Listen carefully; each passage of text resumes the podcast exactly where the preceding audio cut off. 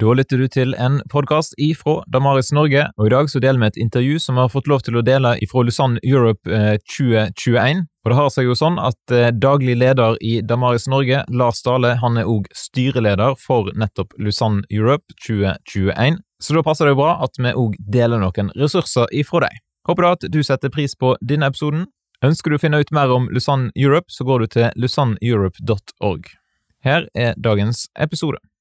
Evert van de Poll is a professor of religious studies and missiology at the Evangelical Theological Faculty in Leuven, Belgium, and uh, also a pastor with the French Baptist Federation.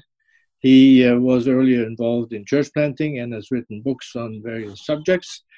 His uh, multiplex at the Lausanne Europe gathering in Poland is on nominal Christianity. Uh, Evert, you say uh, uh, that the idea of nominal Christianity is a typical European phenomenon. Why is that? Well, first of all, we should clarify what do we mean by nominal Christianity because it's a very complex thing. We will talk about it. But in short, it is a discrepancy between a claimed identity. People say, I'm a Christian in a survey, or they are registered as a church member. So they are officially counted as Christians, but they do not practice or partially practice or do not believe as a Christian should believe. So there is a discrepancy. And now this is a typical European phenomenon for two reasons. Because it is, first, it is most widespread in Europe. We are talking about the majority of people who call themselves Christians. Only a minority would say it is important for me that I'm a Christian. But most people who are registered or uh, who say they are Christian do not find that identity very important for their daily lives. Now, that is something that is most widespread in Europe. It exists in other countries, but it is not as widespread in Europe. And it has to do with our history. Europe was the only part of the world where, for ages and ages, for centuries, for centuries, everybody was born into the church. Without choosing for it, you were just born into it before you knew it. And so it was not a choice of people, it was something you belonged to. And only a minority of the people um, really took serious that Christian identity. But for most people, it was something that, well, it's part of your life. You believe in God, you believe in that the Bible is God's word, but you're not following uh, in all the aspects the Christian way of life. That has always been the case in Europe, and um, that is our history. Um, yeah, so um, then uh, an evangelical Christian is uh, distinguished then from a, a, nominal Christian. Well, not only the evangelicals, uh, you have in all churches, you have uh, groups and streams uh, of people who want to take the Christian faith seriously. They're not always called evangelicals. You also have Catholic people who are very serious about being a Catholic. You have Orthodox people who are very serious about what it means to be an Orthodox. You have Lutherans, you have, and evangelicals belong to that kind of Christians who want to uh, to to put in practice what what they believe, and they want to uh, have a, a, a, they want to live out the Christian faith. But you're not the only ones. Right.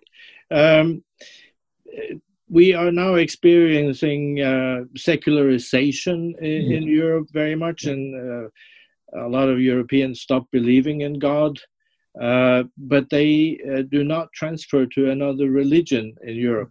In your book, uh, Europe and the Gospel, you sort of blame the church for that. Why is that?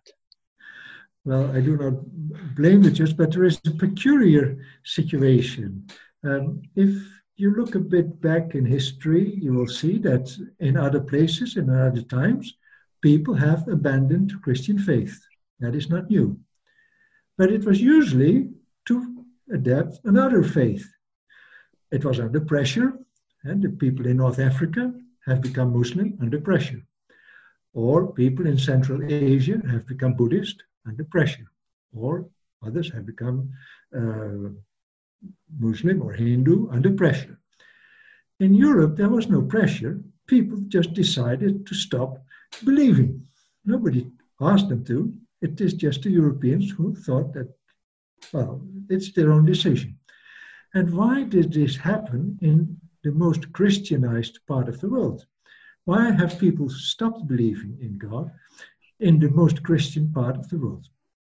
Now, um, there has been a lot of study on the fact how how is this possible? How why this did, did, did the Christianization of Europe uh, uh, was that followed by a secularization? Um, now, when people stop believing in the Christian gospel, in the Christian God, they do not adopt another religion, they adopt no religion. That is new in the history of mankind. As far as we can know, man has always been religious. All societies had religions. Only in Europe, people decided to have no religion at all. Yeah, and why is that? And why is that? Now, some sociologists of religion they say that Christianity is the end of all religion.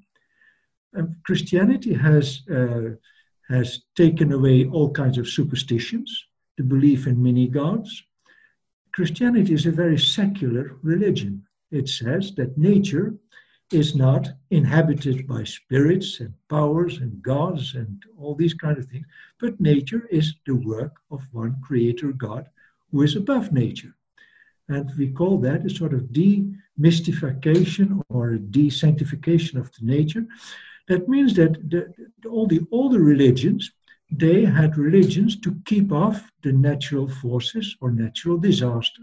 Christianity taught us not to be afraid of the hurricanes, but to study nature and to master nature and to use nature for the well being of man.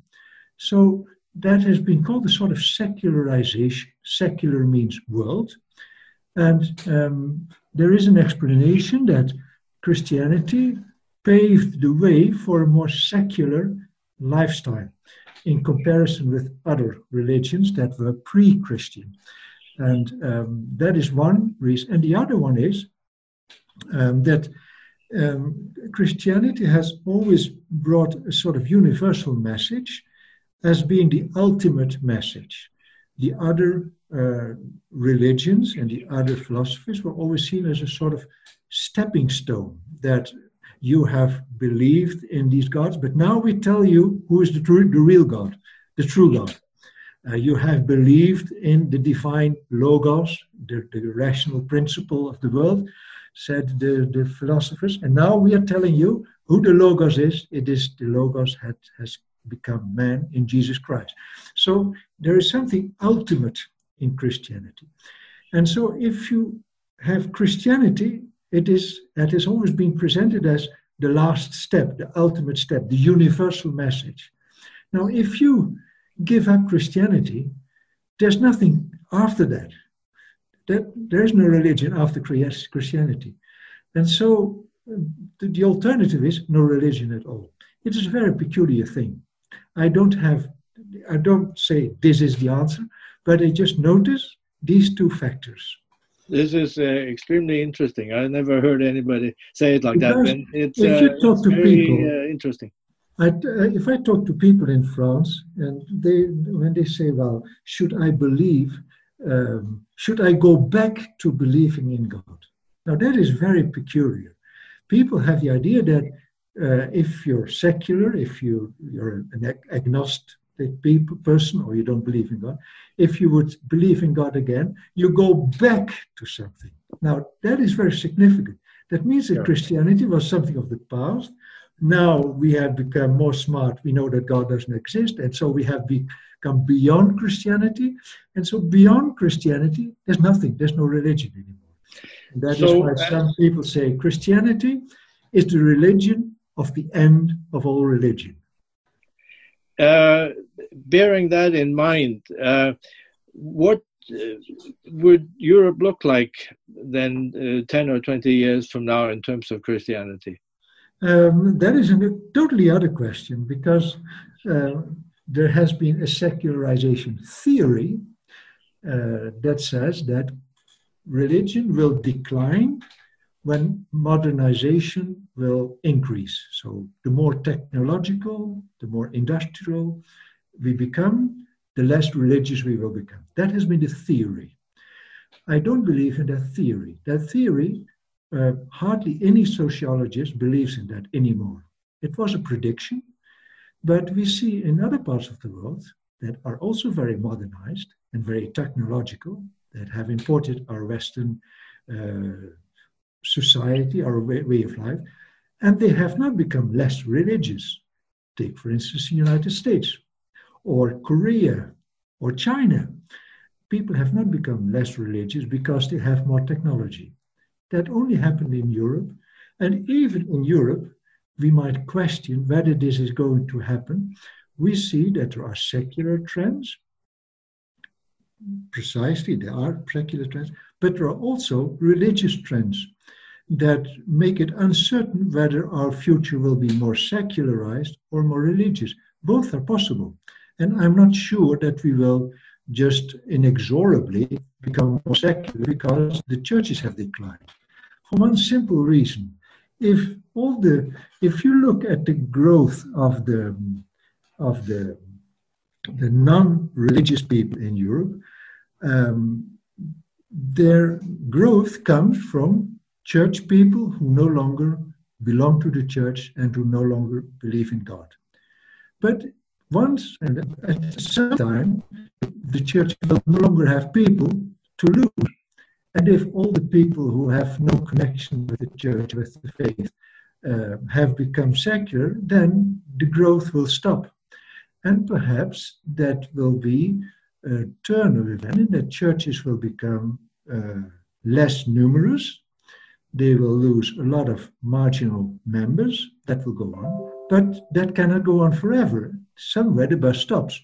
And then you will have a minority of believing Christians, of churches, who in general are motivated for their faith and who will be an influential minority. And I believe that in 10 years from now, the, the, the committed Christians, those who are committed to their faith, will perhaps be more in number than now there has been a, uh, the last surveys show that if you look at commitment to the Christian faith, and it's not membership of the church, but commitment to the Christian faith, then in average in Western Europe, you have 13% of Europeans who are committed to the Christian faith. That means they pray, they believe in God, they go to church, and they find the Christian faith important in their lives. 13%. I find that an awful lot. And uh, that number is not decreasing.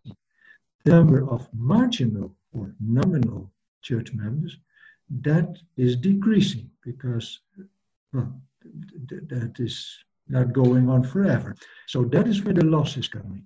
But we do not lose so much in the category of committed Christian people who are committed to the Christian faith. And so I'm very hopeful Good. If I look to the future, I'm not saying it's becoming more secular.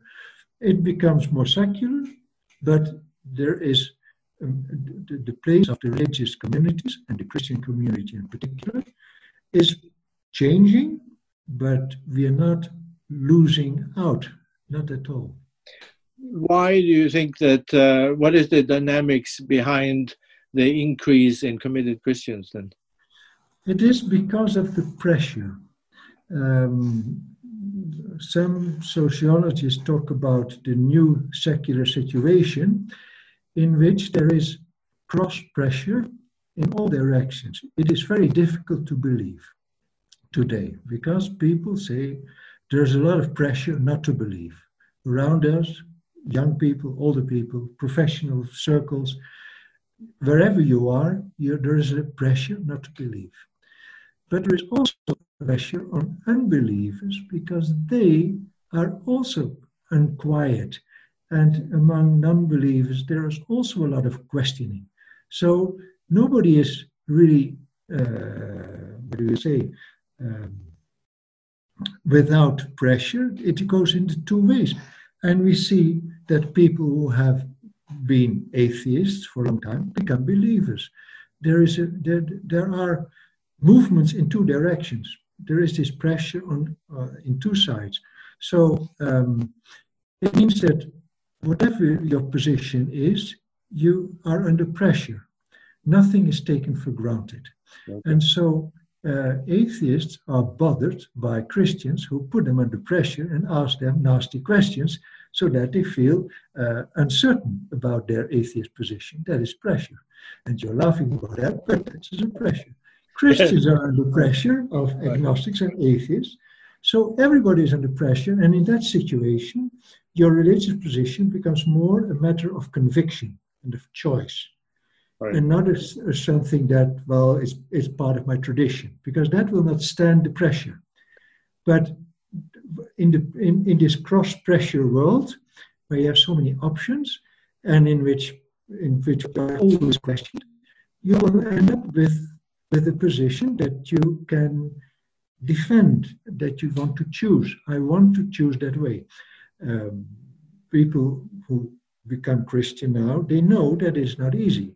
So that means that it is a matter of choice and conviction. And that can uh, change the, the character of a Christian community. Last question. How should we then, as evangelical Christians in Europe, practice our faith under this pressure uh, and in the more secular Europe? Um, well, I think uh, evangelical Christians are already doing what they should do uh, by the fact that uh, their faith is a matter of conviction. And living out that conviction in daily life, that is typical of evangelical Christianity. So we just we should continue being evangelical. There's nothing new under the sun. Evangelicals for ages have always reached out to nominal Christians, asking them, challenging them to take their faith serious. And that is called conversion, coming to Christ, uh, becoming a committed Christian. That has been the hallmark of evangelical Christianity. And I don't see a reason to change that. That is a very good thing. The second thing is that um, we have now another environment traditionally, historically, evangelicals have been very good at uh, reaching out to nominal Christians in the churches, people in the margin of the church. That has been a very good thing, and we should go on that. But we have not been so good in reaching out to secularized people who have no faith in God at all. Historically, that was not our challenge because eh, historically we lived in a country where everybody believed in God. Now that has changed. And if you look at the growth of evangelical churches, most of the growth comes from traditional historical churches or from their own children, their own new generation. That's very good. There's nothing wrong with that. We should keep on doing this. But our growth does not come very much from secularized, unreligious environments. And that is something that comes out of all the studies. And even if, um, if churches claim that their growth comes from a non believing background, I'm not going to believe that at first sight. I want to study that. And if I study that, I discover that it is not always true. This is not to blame evangelicals, but it is just to remind us that we are not so good in doing that.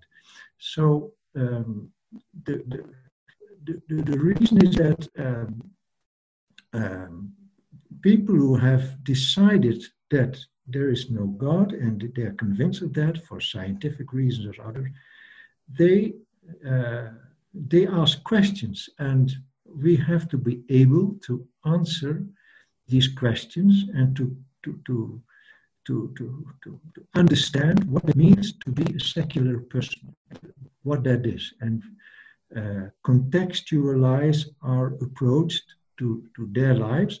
That is something, uh, some people do that. Um, C.S. Lewis was one in his day who did that, but we have very few people who are capable of entering the secular world and giving answers to the questions the people themselves raise. Should there um, be more have, emphasis on apologetics then? Yeah, it's apologetic, but um, often our apologetics give answers to questions nobody puts. And if you want to answer questions, you have to live in the environment and to listen. What, what really are the questions? What are the questions? We cannot presuppose questions.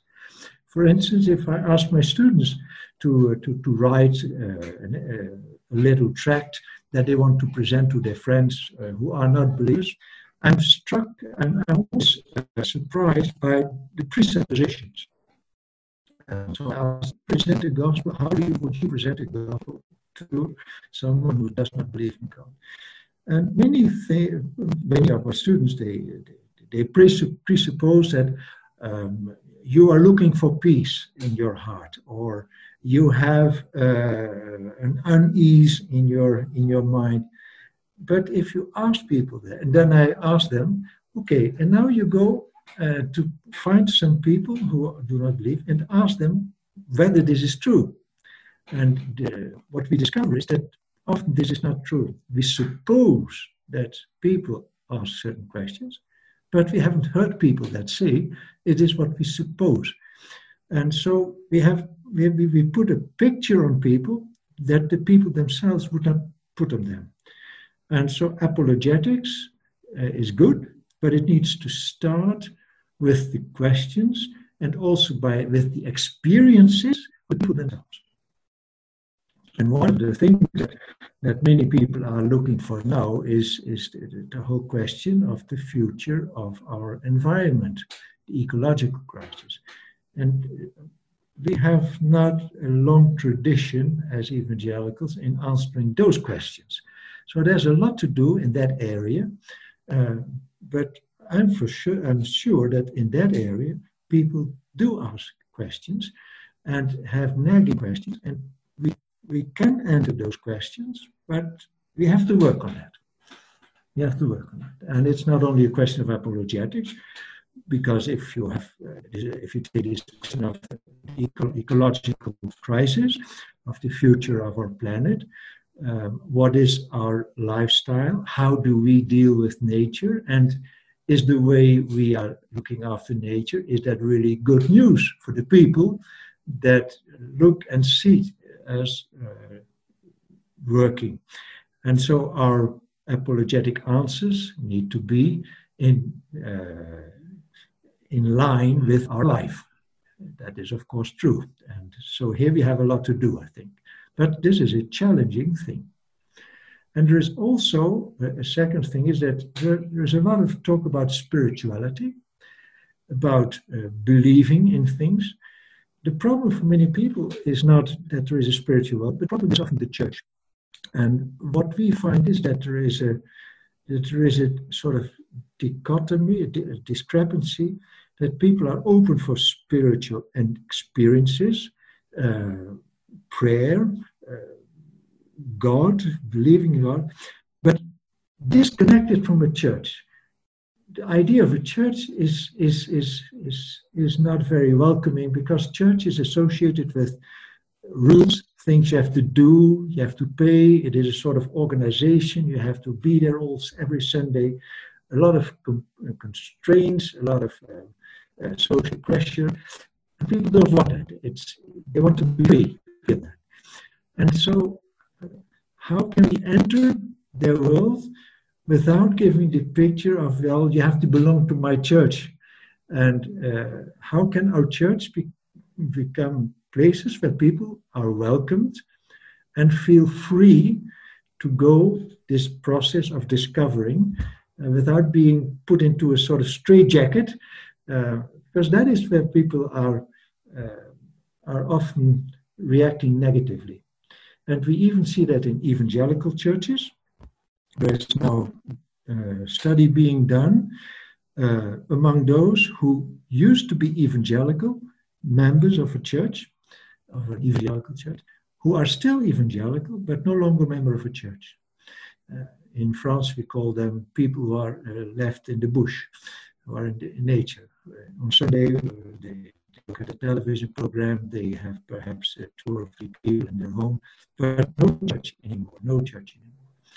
In America, we have now surveys being done by Barna and Institute.